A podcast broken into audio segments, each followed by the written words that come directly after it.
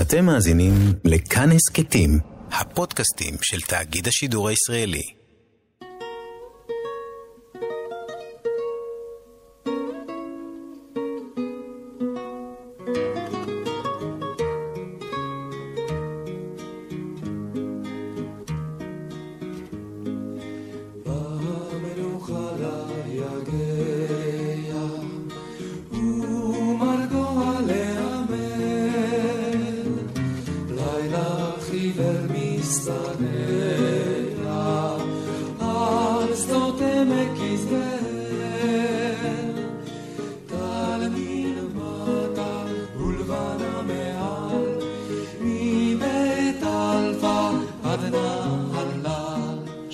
מאזינות ומאזיני כאן תרבות. השבוע הלך הסופר מאיר שלו לעולמו. כמעט בן 75 היה במותו. עבורי הוא אינו רק סופר אהוב, אלא הוא החלון שלי לעמק יזרעאל. אני לא נולדתי בעמק, אבל אני חיה כאן כבר 20 שנה, וזה הבית שלי. ואולי הבית הזה כבר נרקם בשעה שקראתי בספרים הראשונים שכתב מאיר שלו, מבלי לדעת זאת. לי קוראים ענת שרון בלייס, ובתוכנית הזאת אשמיע קטעים מתוך שיחות שונות שעשיתי עם מאיר שלו במהלך השנים. על הכתיבה, על הרומנים שלו ועל ספרי הילדים, על גינת הבר, על אהבת התנ"ך והעברית, וכמובן על חתולים. אבל אני אפתח במשקפיים. הספר האהוב עליי ביותר הוא הרומן השני שלו, עשיו, שהתפרסם בשנת 1991. יש בו שני ילדים, תאומים. האחד יהיה לאופה, ילוש בצק ויהפוך אותו ללחם, והשני יהיה לאיש של מילים, לסופר.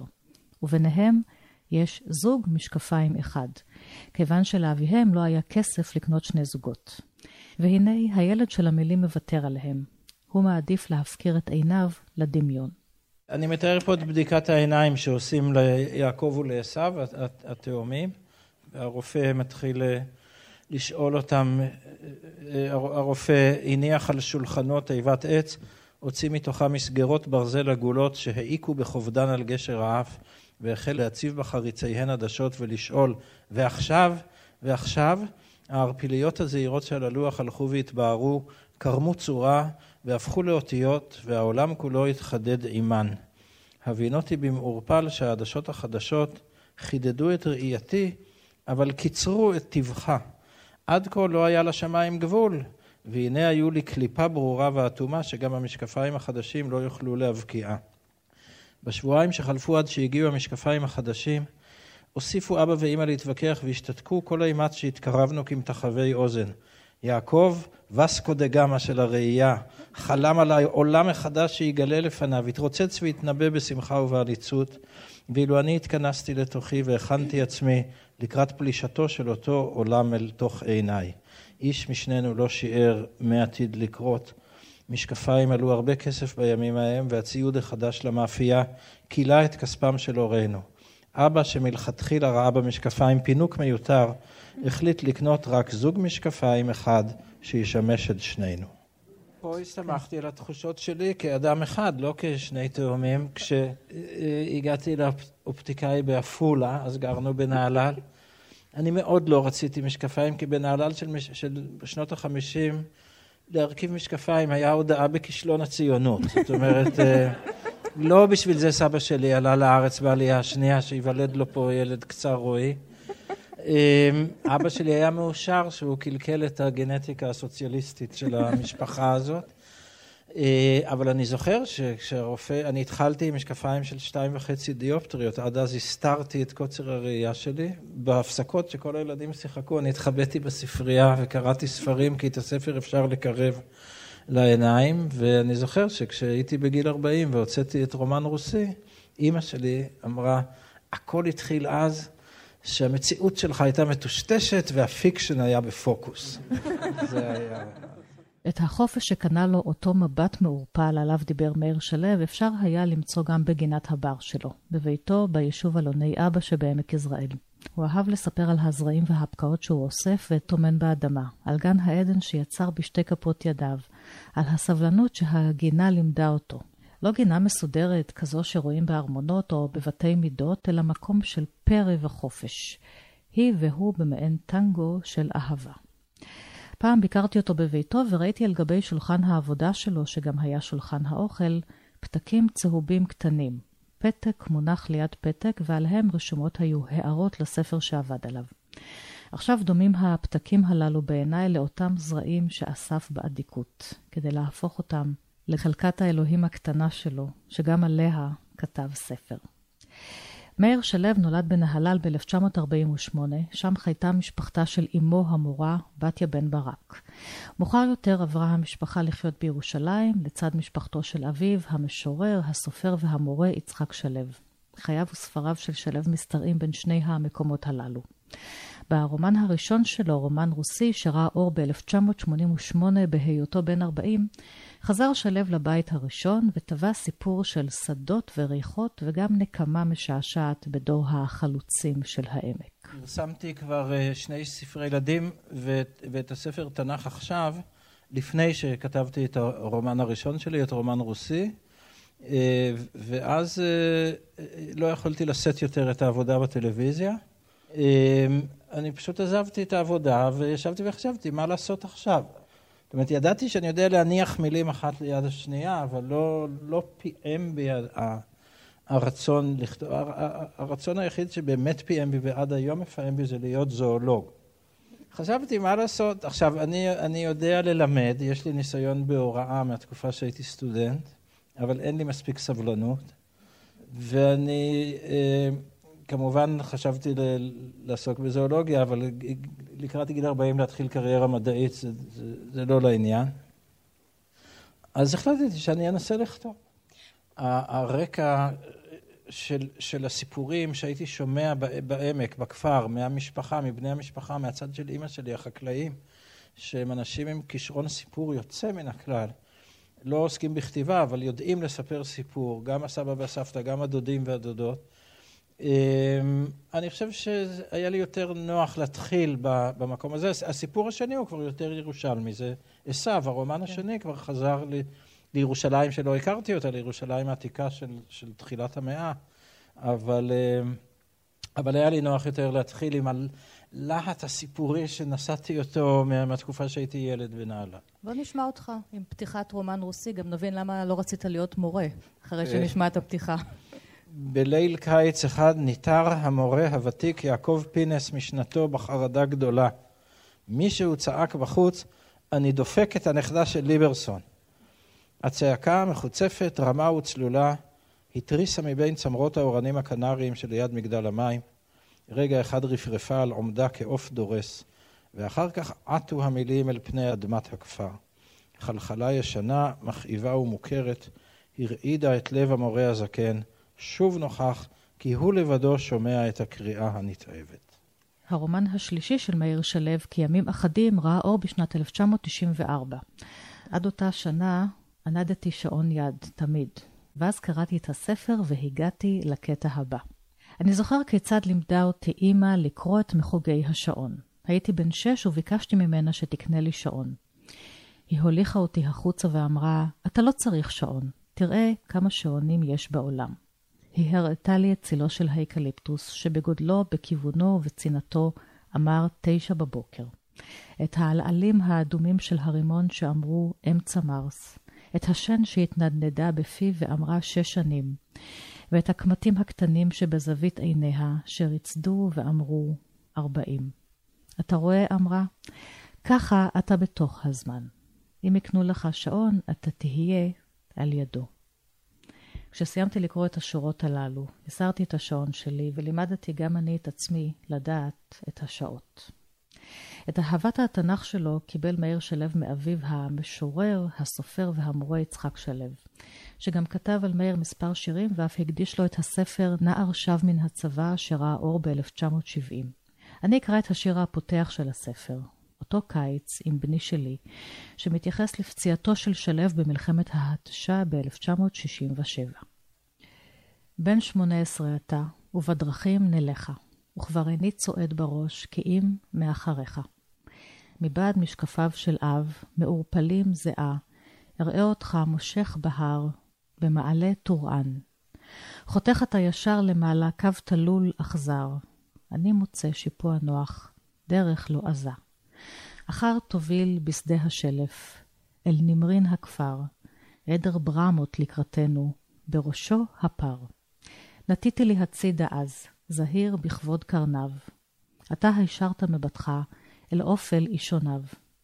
נחלוף על פני פירות נוגים, באודם וענבר, בסכינך חותר אתה אל מגד הצבר. על צוק ארבל העי צב, יען שם קינו הוא. אני יורד בשביל הטוב, אתה בדרך תוהו. אלך כדין, מתון מתון, מועד ונעצר, רואה אותך גולש כעז באשד הקצר. ובכנרת נסיים, סיום כחול, רטוב. אתה מפליג למרחקים, אני קרוב לחוף. אותו הקיץ, בני שלי, הלכת לצבא, וחזרת, בני שלי, ברגל נקובה. ולא נעלה בהר ילדי, בעמק לא נלכה, והיא תוגת ימי ילדי, והוא יגון חייך. דמותו של שלו עם הרגל הפצועה תופיע ברומן עשיו שנים אחר כך, ואהבת התנ"ך שהוריש לו אביו תופיע פעם אחר פעם בכל הספרים שלו. ספר התנ"ך היה עבורו סדנת הכתיבה האחת והיחידה, שכל מי שאוחז בעט עברי צריך לפקוד. קודם כל זה, זה החלל ה- הלא ריק, כפי שהגדרת נכון, הוא גם חלל לשוני מלא ורצוף לאורך אלפי שנים. זה, זה הרגשה נפלאה לכתוב בשפה הזאת, שבאמת אני חושב יחידה במינה היום בעולם, שאנחנו יכולים לקחת טקסט שנכתב לפני אה, שלושת אלפים שנה ולהבין חלק נכבד ממנו. ואני תמיד משתעשע במחשבה שאם דוד המלך אה, או ישו הנוצרי, שהיה יהודי טוב, ייכנסו הנה עכשיו, אני אוכל לתת להם את רומן רוסי ולשאול מה דעתם. אה, כשם שאני קורא אותם בשפה הזאת, אז זה משמעותי מאוד מבחינתי בזמן הכתיבה. והתנ"ך לימד אותי בעיקר להיות קמצן בתחום הפסיכולוגי. אני לא אוהב שסופרים... שופכים עליי משאיות של ניתוחים פסיכולוגיים ונבירה בנפש. אני, כמו התנ"ך, שיעקב ראה את רחל, הוא פרץ בבכי, בלי הסברים. לך אתה תשבור את הראש מדוע הוא בכה, ויש על זה גם כמה פרשנויות ודרשנויות אה, יפות. יש כל מיני שאלות מאוד מעניינות מבחינה נפשית שהתנ"ך משאיר פתוחות. גם אני למדתי ממנו לא לפענח כל, כל דבר בנפשם של הגיבורים, ולהניח גם לקורא לעשות את זה.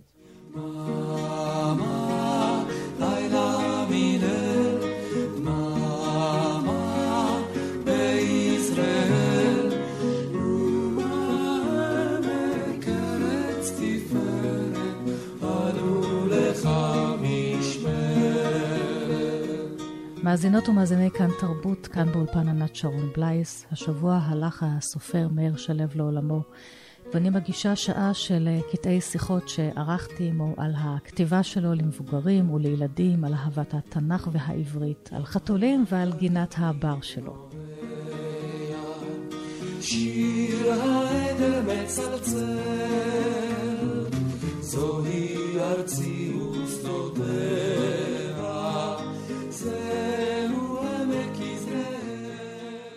אהבתו לתנ"ך ולשפה העברית הייתה כרוכה אצלו תמיד בטבע הישראלי, בשמות העצים והפרחים שמופיעים לראשונה בספר הספרים.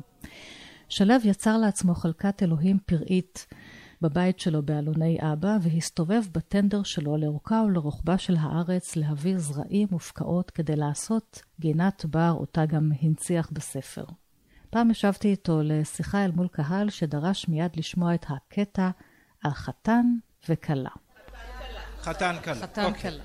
בבוקר שבת אביבי אחד, בעודי אורז צידנית ומעיין במפה ותוהה לאן אטייל, שמעתי קולות מן הגינה שלי. קול של גבר צעק, תעמדו, שמה בדיוק, תעמדו. קול של בחורה שאל, ככה? קולו של הגבר ענה, תשעני עליו קצת. קול של אישה הורה, תסתכל עליה, שיראו שאתה אוהב אותה. הצצתי בעד חרקי התריס וראיתי מעין מפרש לבן גדול משייט בים האדום של הפרגים שלי. פתחתי וראיתי שהמפרש הוא שמלת כלולות לבנה וחלה בתוכה בחורה גדולה ובדרכה הפנאה. ליד הכלה ניצב וחתן, אלם דל בשר וקטן קומה, מסורק בקפידה רבה ולא מגולח באותה קפידה עצמה. לבוש חליפה לבנה צרה, נעול נעליים לבנות מחודדות וענוב עניבה זהובה. מין אנוש משונה כמו שנהגו פעם לצטט אצלי במשפחה. גם שני צלמים היו שם, יוסי בווידאו ופייסי בסטילס, הוא מקליט אחד, הוא מאפרת, ושתי נשים מבוגרות יותר, אחת גדולה ואחת קטנה, המחותנות מסתמה, וכולם רומסים ברגל גסה את הפרגים ואת התורמוסים ואת הדרדרים הכחולים שלי. יצאתי החוצה וקראתי, מה אתם עושים כאן? החבורה נתנה בי 16 עיניים נדהמות. אתה מוכן בבקשה לא להפריע, אמר אחד הצלמים. והשני גער, הוא אפילו לא רואה שמצלמים. אתם בתוך הגינה שלי ואתם דורכים לי על הפרחים, הרמתי קול. נראה לך פה גינה? שאלה המחותנת הקטנה את המחותנת הגדולה. לא אמרה המחותנת הגדולה למחותנת הקטנה, אני נראה לי פה חיק הטבע. חתן עזר עוז. אח שלי הצטלם פה לפני שבועיים, הוא הכריז, ואף אחד לא אמר לו שום דבר. בליבי תהיתי, מי מהשתיים היא אמו? הקטנה שהורישה לו את קומתה, או הגדולה שמרוב אהבה אליה בחר לו אישה במידתה. כזה הוא לב האדם. נעל כבדה רומסת את פרחיו והוא תוהה לו תהיות שלא לעניין. נכון מאוד הסבירה הגדולה ושלא במתכוון ענתה על תהיותיי שתי בנים אני מחתנת בחודש אחד. אמרתי בעוד שלוש דקות ההשקיה האוטומטית פותחת את הממטרות ואז תראו אז תראו אם כאן חיק הטבע או גינה. אין לי ממטרות בגינה אבל החשש לציוד, לאיפור, לתסרוקות ולמחלצות פעל את פעולתו מיד. האימהות, הזוג הצעיר, צוות הצילום מיהרו כולם להסתלק ואני שבתי אל הבית נפוח מגאווה. לא בכל יום זוכה גנן חובב למחמאה כזאת שחתן וכלה יבואו ממרחקים להצטלם בין פרחי גינתו הצנועה. אז גן העדן הזה של מאיר שלו לא נברא בשישה ימים, אלא בשנים ארוכות, אבל מלאכת האדמה שלו הולמת את מלאכת הכתיבה. בשניהם שקד ללמוד, לחקור, וקנה לעצמו דעת לפני שניגש לזרוע או לכתוב. הכל נעשה בסבלנות ובקשב גדול. אני מביא פקעות של רקפות כשהמועצה האזורית מודיעה שעושים הרחבה באיזה קיבוץ או מושב ואפשר לבוא אה, ולהוציא פקעות. אני אוסף זרעים, אספתי בבתי קברות, יש המון רקפות, אז אני מביא משם זרעים, והדבר שאני הכי אוהב הוא לגדל דווקא את הגיאופיטים מזרעים, כי זה לא חוכמה להביא פקעת גדולה של רקפת והיא מיד תפרח לך בשנה הבאה. רקפת אה, הוא, צמח נפלא. אני חושב שאורך החיים של פקעת של רקפת הוא כמה עשרות שנים. וככל ככל שהיא מזדקנת היא יפה יותר, כי היא מוציאה יותר פרחים. עכשיו אני זורע את הרקפות שלי באדניות, אה, נותן להן לגדול באדניות כשלוש שנים, ורק אז אני מוציא את הפקעות שהן בערך בגודל של עגבניית שרי, משהו כזה, ומעביר אותן לאדמה, רק בשנה הרביעית הן מוציאות פרח או שניים ראשונים, ומאז בכל שנה היא מוסיפה עוד, עוד פרח או שניים, והפקעות הגדולות זה כבר יצירת פאר, הן בגודל של צלחת, והן מוציאות עשרות פרחים, והגינה חינכה אותי מהבחינה הזאת לסבלנות. תראי, כשאני מגדל כן. למשל חצבים, יש לי המון חצבים, כי יום אחד נסעתי על יד כביש צמח, ועבד שם מחפרון בהרחבת הכביש, ואני מסתכל ואני רואה ששפוכים שם המון בצלים של חצבים. אז עצרתי, והתחלתי לקחת, והטרקטוריסט אמר לי, אתה רוצה כאלה?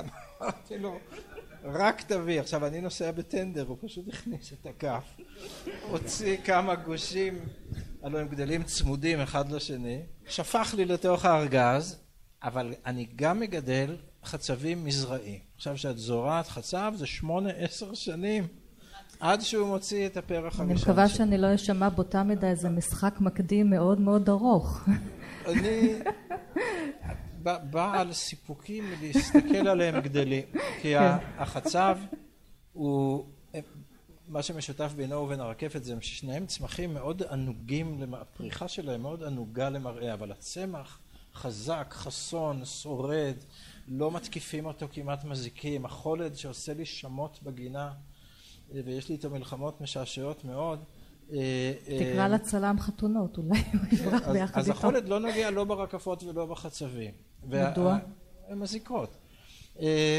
והגינה מחנכת אותי לסבלנות. אני בן אדם לא סבלן באופן כללי, אני מאבד, אני מאבד עניין ומאבד סבלנות די מהר. והגינה עם התהליכים הקבועים שלה וחילופי העונות שלה והחוקים שאי אפשר לשנות אותה בהחלט מחנכת אותי מהבחינה הזאת לסבלנות, להמתנה, לאורך רוח, אני יודע שבסופו של דבר אני אבוא על שכרי. אצלי בבית על מדף הספרים יש שני מאירים. סופר הרומנים וספרי העיון למבוגרים וסופר הילדים. אמנם לא של הדור שלי, אבל קראתי את ספריו לבני. בערב לפני השינה, בחוץ חושך, ובחדר הוא ואני במיטה, עם כל הדמויות המצחיקות ובעלי החיים. הכתיבה גורמת לי הנאה לילדים, היא אחרת מהכתיבה למבוגרים. אה, זאת אומרת, אותו רצון לעשות את הספר מלוטש וסיפור טוב ככל האפשר, אבל עצם, עצם ההתעסקות במסה הרבה יותר קטנה כבר משנה את אה, העבודה. למשל, כספרי ילדים אני כותב בעט ולא במחשב. כי בעת אני יכול מיד לנקד, באותה מהירות של הכתיבה אני מוסיף את הניקודים, אני אחד משלושים האנשים בארץ שיודעים לנקד נכון. על כל פנים, אה, הניקוד מאיר את הנייר, ורק בשלב האחרון אני מעלה את זה למחשב ועושה עוד אה, אה, עריכה. אבל תראי, אני, אני אמרתי קודם שהתחלתי לקרוא בגיל ארבע, או אולי אפילו שלוש וחצי, ההורים שלי לימדו את ילדיהם, כמו בחיידר, רק בלי המכות. ו, ו, והתחושה של קריאה בגיל כל כך צעיר נסחה בי אה, בעיקר תחושה של עצמאות. זאת אומרת, לבד יכולתי לקחת ספר, להיכנס למיטה ולצלול לעולמות משלי בגיל מאוד צעיר. לא הייתי תלוי בחסדם של מבוגרים. והדבר השני שאני מרגיש אותו עכשיו בכתיבה, בין היתר, מעבר לצד הסיפורי והאומנותי, אני חושב שאנחנו מציגים, אנחנו המציגים הראשונים של אומנות מופשטת לילד קטן. כי המילה שהוא רואה על נייר היא, היא הדבר המופשט הראשון שהוא רואה. לפני זה הוא רואה דברים מוחשיים שהוא יכול לאחוז בהם, לנגוס בהם, אבל כשהוא רואה את המילה שולחן על נייר, היא לא דומה ל, לרהיט הזה. זאת פעם ראשונה שהוא נתקל בציור מופשט. ואני חושב שיש פה מהפכה אינטלקטואלית או, או, או מנטלית שהיא מאוד חשובה. ו, מעבר לזה, אנחנו השער שלהם לספרות בכלל. ועכשיו בואו תשמעו סיפור על סיפור. ספר הילדים אריה בלילות נפתח כך: לילה אחד שמע יפתח קולות מוזרים. לא הקולות הרגילים שהוא שומע לפני שהוא הולך לישון, לא הרוח בעצים ולא החתולים בחוץ, ולא הטלוויזיה של ההורים ולא הצעדים שלהם במסדרון, אלא נהמות ושאגות. וזה ממשיך. השורות הללו גרמו למישהו בחלונות הגבוהים של המדינה להחליט שהספר אינו חינוכי ולהזמין את שלו לביקור בבית המחוקקים. הספר הזה התלוננו עליו גננות וגננים ופסיכולוגים, וועדת הכנסת לשלום הילד התקשרה אליי ואמרה שהם מבקשים שאני אבוא לדיון בספר, בוועדה. אמרתי, אני לא, לא בא. מה זאת אומרת? מה זה עניינכם? ממתי פרלמנט צריך לטפל בספרות? אז הם אמרו, אבל אנחנו מזמנים אותך, הם היו בהלם, אנחנו מזמנים אותך לדיון בוועדה. אמרתי, תשלחי ניידת עם שני שוטרים, אז בכוח, בכוח תוכלו להביא אותי. אני לא בא, אני לא מכיר בזכותכם לדון בספר שאני כתבתי. הספר הזה נולד מאירוע שקרה לי עם בני עשרים שנה לפני כתיבתו, הוא היה אז בן שלוש הילד, הלכנו לטייל ביער ירושלים, השמש נטטה לשקוע, נהיה קצת חשוך, ואז הוא אמר, בוא נשחק שאני ילד קטן טועה ביער, ואתה אריה, אבל אריה זקן ובלי שיניים. ואז הבנתי הכל, מאז אני למד, ככה הוא לימד אותי לכתוב לילדים. אבל עד כמה שידוע לי, ספר הילדים על החתול קרמר לא הרגיז אף אחד. אולי כמה אנשים או ילדים שפחות אוהבים חתולים. אז הנה, בואו ניתן להם עכשיו הזדמנות להתאהב בהם אחת ולתמיד. אם אני זוכרת נכון את ההקלטה הזאת, עשיתי עם מאיר שלו באחד מימי הסגר הראשון של הקורונה. לפני שלחצנו על הרקורד, שוטטנו קצת בגינת הבר, ומאיר אמר, הנה, כאן טמון קרמר, שמת לפני מספר שנים, אבל הונצח בשלושה ספרים. קרמר החתול ישן כל הזמן. סיפור ערש לפעוטות. כתב מאיר שלו, זה אני, צייר יוסי אבולעפיה, בהוצאת עם עובד. קרמר החתול ישן כל הזמן. קרמר החתול הוא חתול ישנן. ישן כל היום וישן כל הלילה, ישן בבוקר ובערב נם גם. כשהוא סוף סוף קם, הוא תכף נרדם. כשהוא סוף סוף מתעורר, הוא מפהק ואומר, אני כל כך עייף, אני נופל מהרגליים, אנמנם לי מעט כי כבר צהריים, אשוב ואשכב, אעצום את העיניים. ביום חורף קר הוא ישן כך. ביום קיץ חם הוא ישן כך. כשלא חם ולא קר הוא ישן כך. ולפעמים הוא שוכב כך, סתם נח. אפשר לשים עליו את הראש כמו על קר נעים ורך. אפשר לנקות בו את השולחן, להסיר את האבק. אפשר לשים אותו על ניירות שלא יעופו ברוח. לא אכפת לו מכלום, העיקר שייתנו לו לנוח. איזה מין חתול אתה? כל המשפחה שואלת. אתה חתול? אתה סמרטוט? אתה מעצור לדלת? לא מיילל, לא משחק, לא רודף, לא מזנק. איזה מין חתול אתה? אולי כבר תתעורר. אם ככה תמשיך לישון כל הזמן, ניקח לנו חתול אחר. קרמר נבהל, קפץ עד התקרה. חתול אחר? במקומי? רעיון מאוד רע. ישן כל הזמן? אתם טועים טעות גמורה. אני בכלל לא ישן. רק חולם חלומות. אני שוכב וחולם בעיניים עצומות. מי חלמת, קרמר? חלומות מעניינים? על כלב? על עכבר? על החתולה של השכנים? לא ולא, חלמתי על המשפחה שלי, על הדודים, על האחים, על הקטנים והגדולים, ולכולם קוראים על שמי משפחת החתולים. חלמתי שאני צד עם סבא אריה, שנינו רודפים אחרי איילות. חלמתי שאני והדוד טיגריס שואגים שאגות בלילות. חלמתי שאני והדוד הצ'יטה רצים הכי מהר. חלמתי שאני פומה. חלמתי שאני פנתר. בכלל לא ישנתי. הייתי ער ונמר. נדמה לכם שאני מפהק, אני פוער את הלוע. נדמה לכם שאני שוכב, אני אורב בעשב הגבוה. כל הלילה ערבתי, נהמתי, שאגתי, זינקתי, הסתערתי, טרפתי, כל כך התעייפתי. כן, זה כל כך מעייף לחלום כל היום. אז עכשיו ברשותכם אשוב לי לישון. לילה טוב וחלומות פז, עכשיו ארדם ראשי על הקר, ולא להעיר אותי, אפילו אם יבוא עכבר. לילה טוב לחתול קרמר, לילה טוב לדוד נמר, לילה טוב צ'יטה, אריה, ברדלס ופנתר. לילה טוב לכולכם, כבר נורא מאוחר, עכשיו לישון, להתראות מחר. ואצל שלו גם ילדים יכולים להתאהב, ממש להתאהב. לא מאמינים? תקראו בספר שלו שהתפרסם ב-2019. ככה זה כשאוהבים. זה הספר הלפני האחרון שלו לילדים, שמספר על אורי בן החמש שמתאהב. יש גם התרגשות אה, גופנית, הוא רוצה שהיא תעמוד קרוב אליו, הוא רוצה לשבת לידה, ואל תלכי ותישארי קרוב, והוא נבוך, ולמזלו יש לו אימא מאוד אה, תומכת שמעורבת בעניין. אני אקרא ברשותך שהוא חוזר יום אחד מהגן, אה, קצת במצב רוח, ובסוף, ולבסוף הוא קפץ. אמא, אני משתגע, רק חזרתי מהגן וכבר אני מתגעגע. את יודעת שהיא גרה ברחוב האלון? אז אם נלך לשם ונחכה, אולי תצא מהדלת, אולי תציץ מהחלון. בדרך, הוא אמר, זה קצת רחוק, אולי נחזור, וגם חלש לי בברכיים, אולי מספיק עד הרמזור, וגם יבש לי בפה וחם לי במצח ומהר לי בלב. ואימא אמרה, הכל בסדר אורי לזה, רק סימן שאתה אוהב.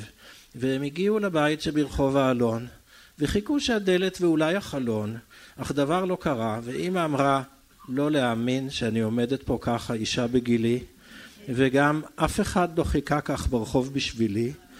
ואז לפתע פתאום הדלת נפתחה, תמר יצאה וניגשה ואמרה לאורי שלום. הוא לא ידע מה לעשות, הוא לא הבין איך זה יכול להיות שילד בן חמש מרגיש כמו כל מיני חיות. שרגע הוא נמר ורגע הוא קוף ורגע דובי צעצוע ורגע דובי דוב ושטוב כמה טוב לאהוב והלב שלו דפק אל תלכי והריאות שלו נשמו הישארי יותר קרוב.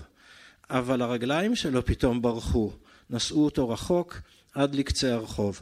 עד לשם הוא ברח ושם הוא ישב ושתק וחשב ועצם את עיניו. היה לו נעים היה לו מפחיד. מה ככה יהיה מהיום עד תמיד? ואם ככה קשה לי עכשיו בן חמש, כמה קשה זה יהיה לי בן שש. וזה, וזה ממשיך. אתה מחליף שולחנות כתיבה ל... לא מחליף שום דבר. או יד ימין או יד שמאל, כשזה אני, לילדים או למבוגרים? אני כותב על אותו שולחן בביתי, שהוא גם שולחן האוכל שלי, על uh, לפטופ, uh, אבל את ספרי הילדים אני כותב בעט. Uh, לפחות מדוע? מתחיל אותם בעט, כי אני מאוד אוהב לנקד. ואני אומר בשיא הצניעות, אבל זו עובדה, אני יודע לנקד. ו, ואני מין גזע ניחחד כזה של יודעי ניקוד. אפשר גם לנקד על המחשב, אבל זה, כן. זה תהליך מאוד איטי. וכשאני כותב בעט על נייר, אני, אני מנקד את המילה תוך כדי כתיבתה. זאת אומרת, זה באות, כן. באותו קצב של ריצה של כתיבה, וכשהטקסט מנוקד, הדף מואר. אני מרגיש שממש עולה ממנו אור ש, שאני כותב. אז את ספרי ילדים אני כותב בעת נובע. וש, ו, ו, ולקראת הסיום, אני רק אז אני מקליד אותם לליטושים אחרונים, ויש קטע משעשע שאני מוסר את הטקסט לא מנוקד אה, להוצאה, והם אומרים לי שהמנקד שלהם קצת במתח, כי שנינו יודעים ניקוד, ומאוד שמחים נכון. לתפוס אחד את השני בשגיאות. אני חושבת על זה שאצלך ברור שיש חומרים ביוגרפיים. בתוך בספרי. הילדים? וגם בספרי הילדים. החתול יש, קרמר במקצת... זה החתול קרמר. מקצתם יש, ואבא עושה כן. בושות. ועכשיו אה, גם פה זה אולי אתה בגיל חמש, או אהבה ראשונה. זה, זה אה, נז, נז... תראי, אני התאהבתי בגיל חמש, אגב, לא בילדה, אלא באישה מבוגרת. זאת אומרת, היה לי, היה לי אה, הרבה יותר טבעי. ומאהבת ילד נשוב לאהבת גבר. הנה רעיון שערכתי איתו בדיוק לפני שנה כשראה אור הרומן האחרון שלו, אל תספר לאחיך. האחים איתמר ובועז, גיבורי הרומן הזה, נפגשים פעם בשנה, כאשר איתמר, שחי בארצות הברית, מגיע לביקור השנתי אצל רופא העיניים. הוא קצר רואי, לא רואה דבר ללא המשקפיים, אבל הוא גבר יפהפה שמסובב לנשים רבות את הראש. בליל הפגישה של השניים מספר איתמר לאחיו על לילה אחר רחוק שהתרחש לפני עשרים שנה, ובו בילה עם אישה שלא הכיר. לילה שהחל בסקס אבל התפתח למשהו אחר לגמרי, כשהוא מצא את עצמו כלוא בביתה, כי היא העלימה לו את המשקפיים. מאיר שוחח איתי על האירוע האמיתי שהוביל אותו לכתוב את הספר הזה, וגם דיברנו על הספרים גדולים, ישנים, שבהם מככבות נשים שכולאות גברים. שלום מאיר, בוקר טוב. בוקר טוב, ענת. אז לפני שנדבר על הספרים האהובים, אה, בואו נדבר על אה, איתמר ובועז ועל הלילה, ועל אותה אישה מסתורית, שהיא מגיעה לבר שבו איתה יושב, היא מתחילה איתו, היא מפתה אותו, הוא נוסע אחריה לביתה, שם הם עושים מה שהם עושים, וכשהוא רוצה לעזוב, מתברר לו שהיא העלימה לו את המשקפיים, והוא בעצם כלוא בביתה. מאיפה מגיע הסיפור הזה? קרה לך משהו כזה בתור אה, בחור יפהפה שמרכיב משקפיים? אז זהו, שאני עונה רק לתנאי של קוצר הראייה, לא, לא מעבר לזה. אה, זה, זה, זה קרה פעם כאיזה מין בדיחה שנמשכה כמה דקות, ולא הגיעה לקיצוניות אה, שמתוארת בספר. אמ, אבל כנראה שאיכשהו זה נחרט בזיכרוני, האפשרות, ש... ואני אגב קצר רואי הרבה פחות מאיתמר, אני לא חסר ישע בלי המשקפיים שלי. אני אתקשה בצפייה בקולנוע או בנהיגה, אבל, אבל אני יכול לנהל חיים אה, בלעדיהם. אה, אז אני משער שאיכשהו זה, זה נשאר בי כזיכרון. לפני שנים אפילו ניסיתי לכתוב את הלילה הזה כמחזה, אה, ויש לי עדיין שמורה בידי הטיוטה הזאת, אבל נטשתי, נטשתי את הכתיבה ההיא. ועכשיו, ונושא המשקפיים גם שב וחזר אצלי בספרים אחרים. כן, אה, בעשיו יש זוג אחים. בעשיו יש קטע שחול... שממש מזכיר את ה... משהו מה... מהספר הזה, ש... שהאופטיקאי ש... שמתקין לו משקפיים כשהוא מגיע לארה"ב, גם שם, עכשיו אני חושב על זה, יש לי בן אדם קצר רועי ש... שעוזב את הארץ וחי נכון. בארצות הברית. אמ, אז, אז הוא אומר לו ש... שעם אישה, באיזשהו מפגש שיהיה לו עם אישה, היא בלי לומר דבר, או בלי להתרות מראש, או בלי לבקש רשות, תשלח ידיים אל המשקפיים שלו ותסיר אותם מעל פניו, הוא אומר, תקום, תקום ותברח, אל, אל, אל תישאר שם. טוב, אז איתמר לא כן. קם, לא קם ובורח. לא. אבל uh, למרות שזה מתפתח למשהו טראומטי, מפחיד, הוא יכול ללכת והוא נשאר, והוא בעצם משתתף באיזשהו משחק זהויות, באיזושהי הצגה. אמרת שרצית לעשות מזה הצגה. הם עושים כן. שם הצגה אחד לשני, אחרי אה, הסקס כן. הפרוע. קודם כל אני רוצה שלא תפתחי יותר מדי ציפיות בלב הקוראים. הסקס לא מאוד פרוע ולא מאוד מפורט. ו- והוא, אה, וגם הטראומה איננה, לא מדובר פה בחיי אדם, כן? כן. אבל, אבל אה, זה, זה, זה, הוא, הוא חווה חוויה לא נעימה, אבל מאוד מוש, מושכת מצד שני, כי, כי שניהם אכן באמת שיחקו משחק. אני מדבר בזהירות כדי לא לחשוף אה, הפתעות שמזומנות לקורא בספר הזה. יש שם שתיים שלוש הפתעות שמשנות את העלילה. ואותן אנחנו לא נאמר. לא. בואו נקרא קצת אה, מאותו רגע עם המשקפיים, להסיר, לא להסיר, מהספר שלך. בוא בבקשה תקרא. כן, ובכן, אה, זה הרגע שבו היא, היא שולחת ידיה אל, אל, אל פניו ומנסה ל- להסיר לו את המשקפיים, והוא נסוג לאחור אה, בבהלה, ועכשיו אני קורא. אני מצטער, שבתי ואמרתי לשרון, מבחינתי זאת התקפה. היא חייכה, אני מתנצלת, סליחה, לא ידעתי כמה זה משמעותי מבחינתך. זה פשוט מאוד אמרתי, רק צריך לומר, תן לי בבקשה את המשקפיים, גדי, לא לשלוח אליהם ידיים. תן לי בבקשה את המשקפיים, היא אמרה, אני אנקה לך אותם. הם קודם נפלו על הקרקע והתלכלכו. אה, ידיי שקודם מסרו את עצמן לאחיזתה ולבחינתה, ונהגו את המכונית אל ביתה, הסירו והגישו לה את משקפיי. צווארי כמו רגליי שהעלו אותי במדרגות ביתה אחריה קרב אליה את פניי. חרדתי מן הפח היקוש לי בבשרה ונסערתי מהרצון ומהסיכוי ליפול בו. במחשבה שנייה היא אמרה, אתה יותר יפה כשאתה בלי המשקפיים. גם את יותר יפה כשאני בלי המשקפיים. משעשע, אבל אני מתערבת איתך שזה משפט שכבר אמרת לאלף נשים אחרות. פניה היו קרובות מאוד, ברורות וחדות להפליא, ובעודה אוחזת במשקפיי נשקה לי פתאום על פי.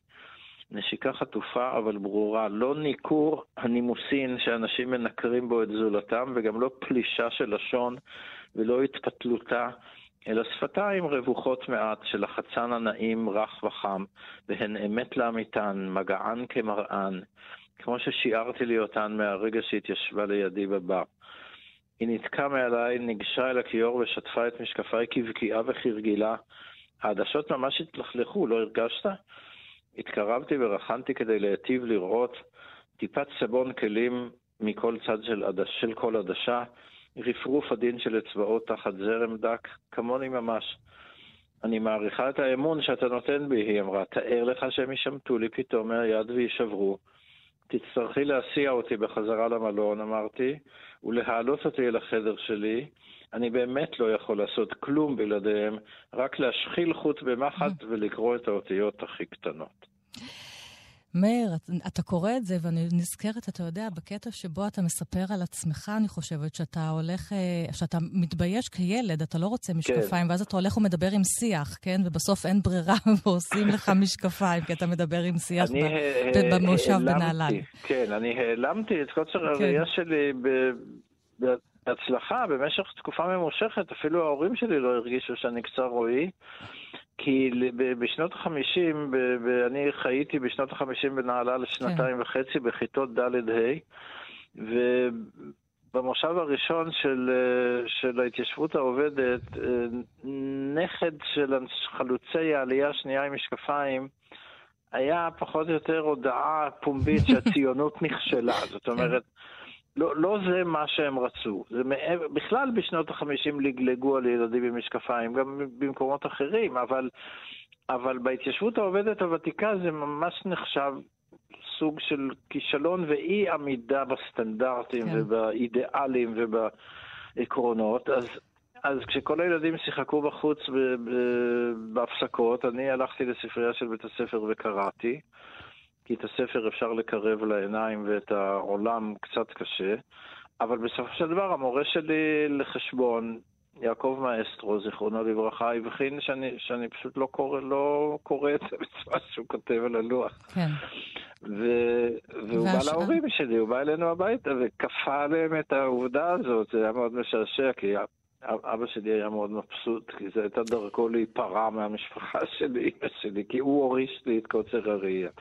עכשיו, אני, אנחנו כן. שמענו את הקטע המאוד עדין שקראת, וכאמור עשינו רמז שזה מתפתח למשהו אחר, ואני חושבת כן. שאם היית כותב את הספר הזה הפוך, זאת אומרת שגבר עושה לאישה מה ששרון עושה לאיתמר, יכול להיות, אתה יודע, שהיינו שומעים פה כל מיני קולות במדינת ישראל, כי זה לא באקלים התרבותי, כן, אבל... כן. אבל זה, כן, בבקשה. זה היה בוודאי מתפרש על ידי אה, אנשים שנוטים לפרשנויות מהסוג הזה, זה היה מתפרש כמעבר להטרדה, כן? הרבה מעבר, כתקיפה, נכון? בדיוק. כן, גם הוא אומר לה בשלב מסוים, אה, את מנצלת אה, חולשה גופנית שלי, את מנצלת מום שלי. כן. הוא אומר לה כשהיא לא מחזירה לו את, ה, את, המשקפיים. את המשקפיים שלו. או מחביאה לו, מחביאה לו אותם, ו- וזה נכון, זאת אומרת, היא, היא, היא באמת עושה את זה, אבל בצורה שבה רואים היום את יחסי הכוחות, אם זה היה הפוך, זה, היה, זה, כן. זה לא היה עובר בקלות הזאת. בדיוק, אז אין פה איזושהי כתיבה, יש פה איזושהי כתיבה עם מודעות, לא משהו תמים, אבל אתה, זה, זה, מקרב, זה בעצם מחבר אותנו לספרים האהובים עליך, כי אתה אומר לי, בעצם, מה היו רוצים ממני? הרי כבר אה, נשים אה, כלאו גברים, באודיסאה, זה לא, הספר. לא, לא, לא, זה כבר, כן, את, את צודקת כמובן במובאות, אבל לא, לא הייתי מציג את זה בצורה כזאת, אלא אומרים לי עכשיו אנשים שהספר שלהם מזכיר להם כמובן קודם כל את הסיפור האדונית והרוכל של אה, עגנון, שבו... כן. שבו אישה קולט אה, יהודי רוכל מסכן שעובר ביער, ו- ו- תמורת אה, אה, מיטה ומזון, הוא נשאר אצלה, אבל ברור לו שהיא תטרוף אותו, פיז... תטרוף באמת, כן, כן, פיז... כן, כן. בסופו של, של דבר. ו, ו, ומזכירים לי את הסרט מיזרי, ש, שבו בדיוק. אה, מישהי קולט סופר שהיא נכון. לקחה טרמפ, או שהייתה לו איזה תאונה, תאונת דרכים, כן. ולא נותנת לו ללכת אחר כך.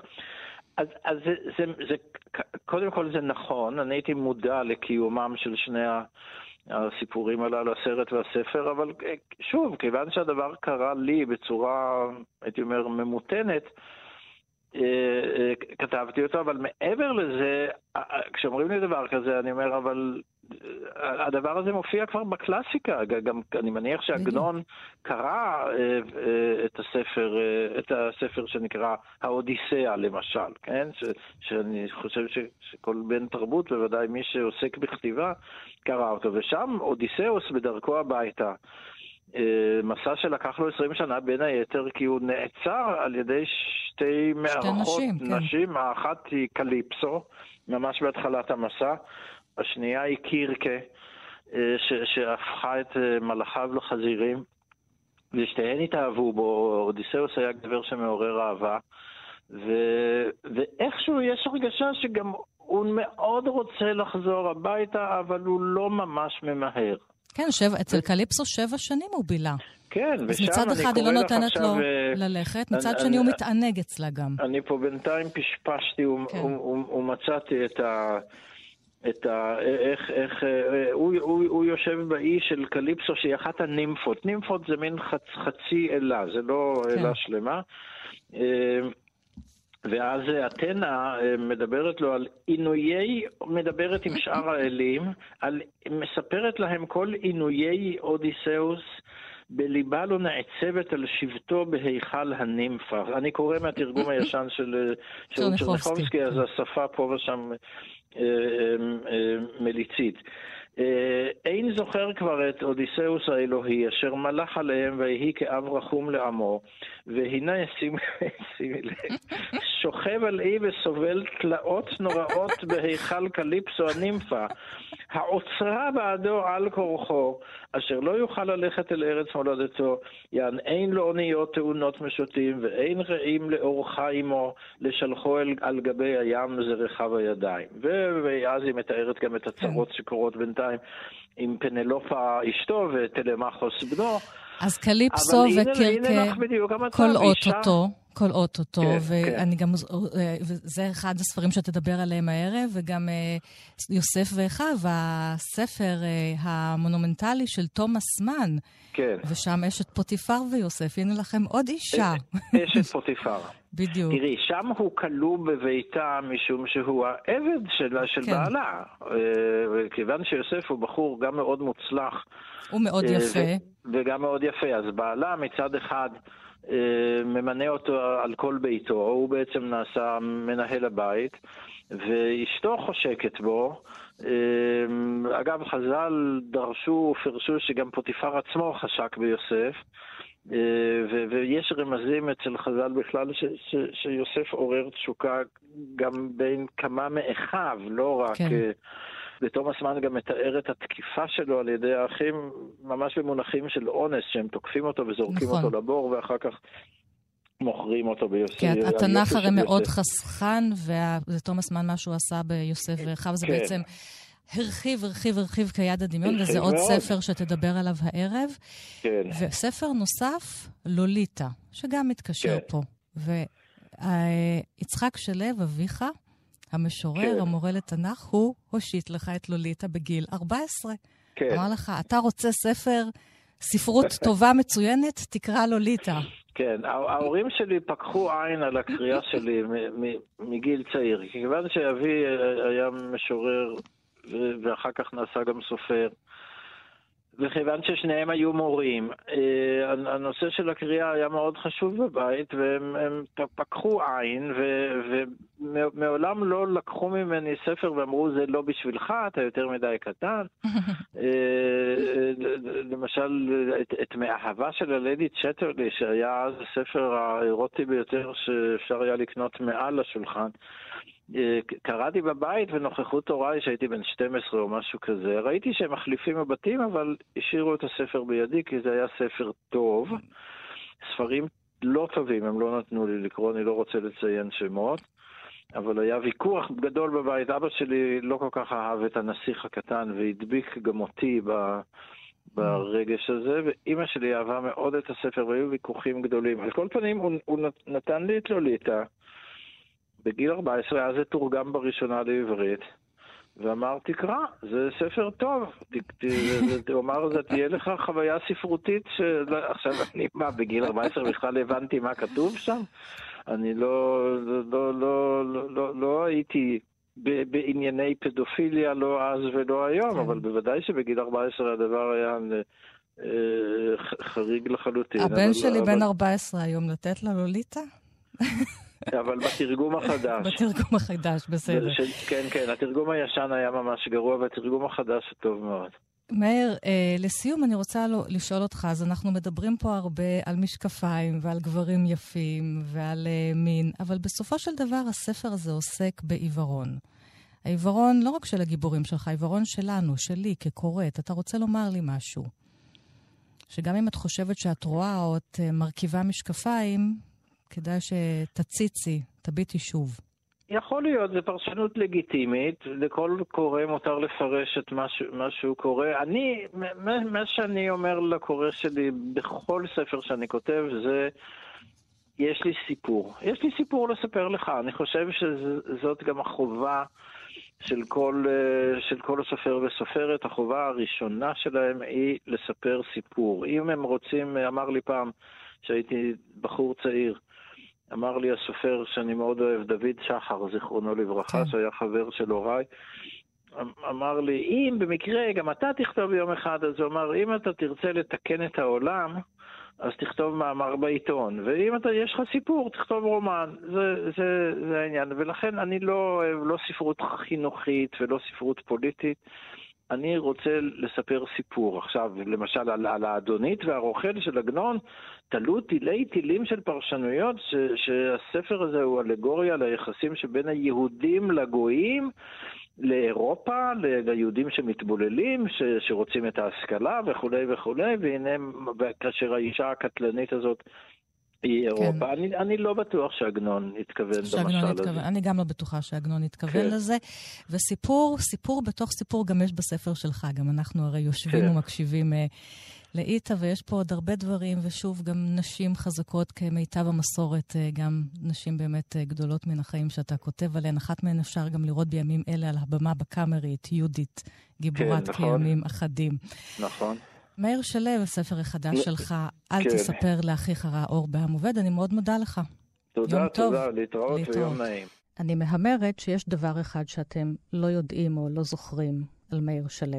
הוא היה אופנוען והוא כתב על כך לא מעט במגזין מוטו, שהיה מגזין אה, חשוב לכל התרבות המוטורית בשנות ה-80, ה-90, ה-2000.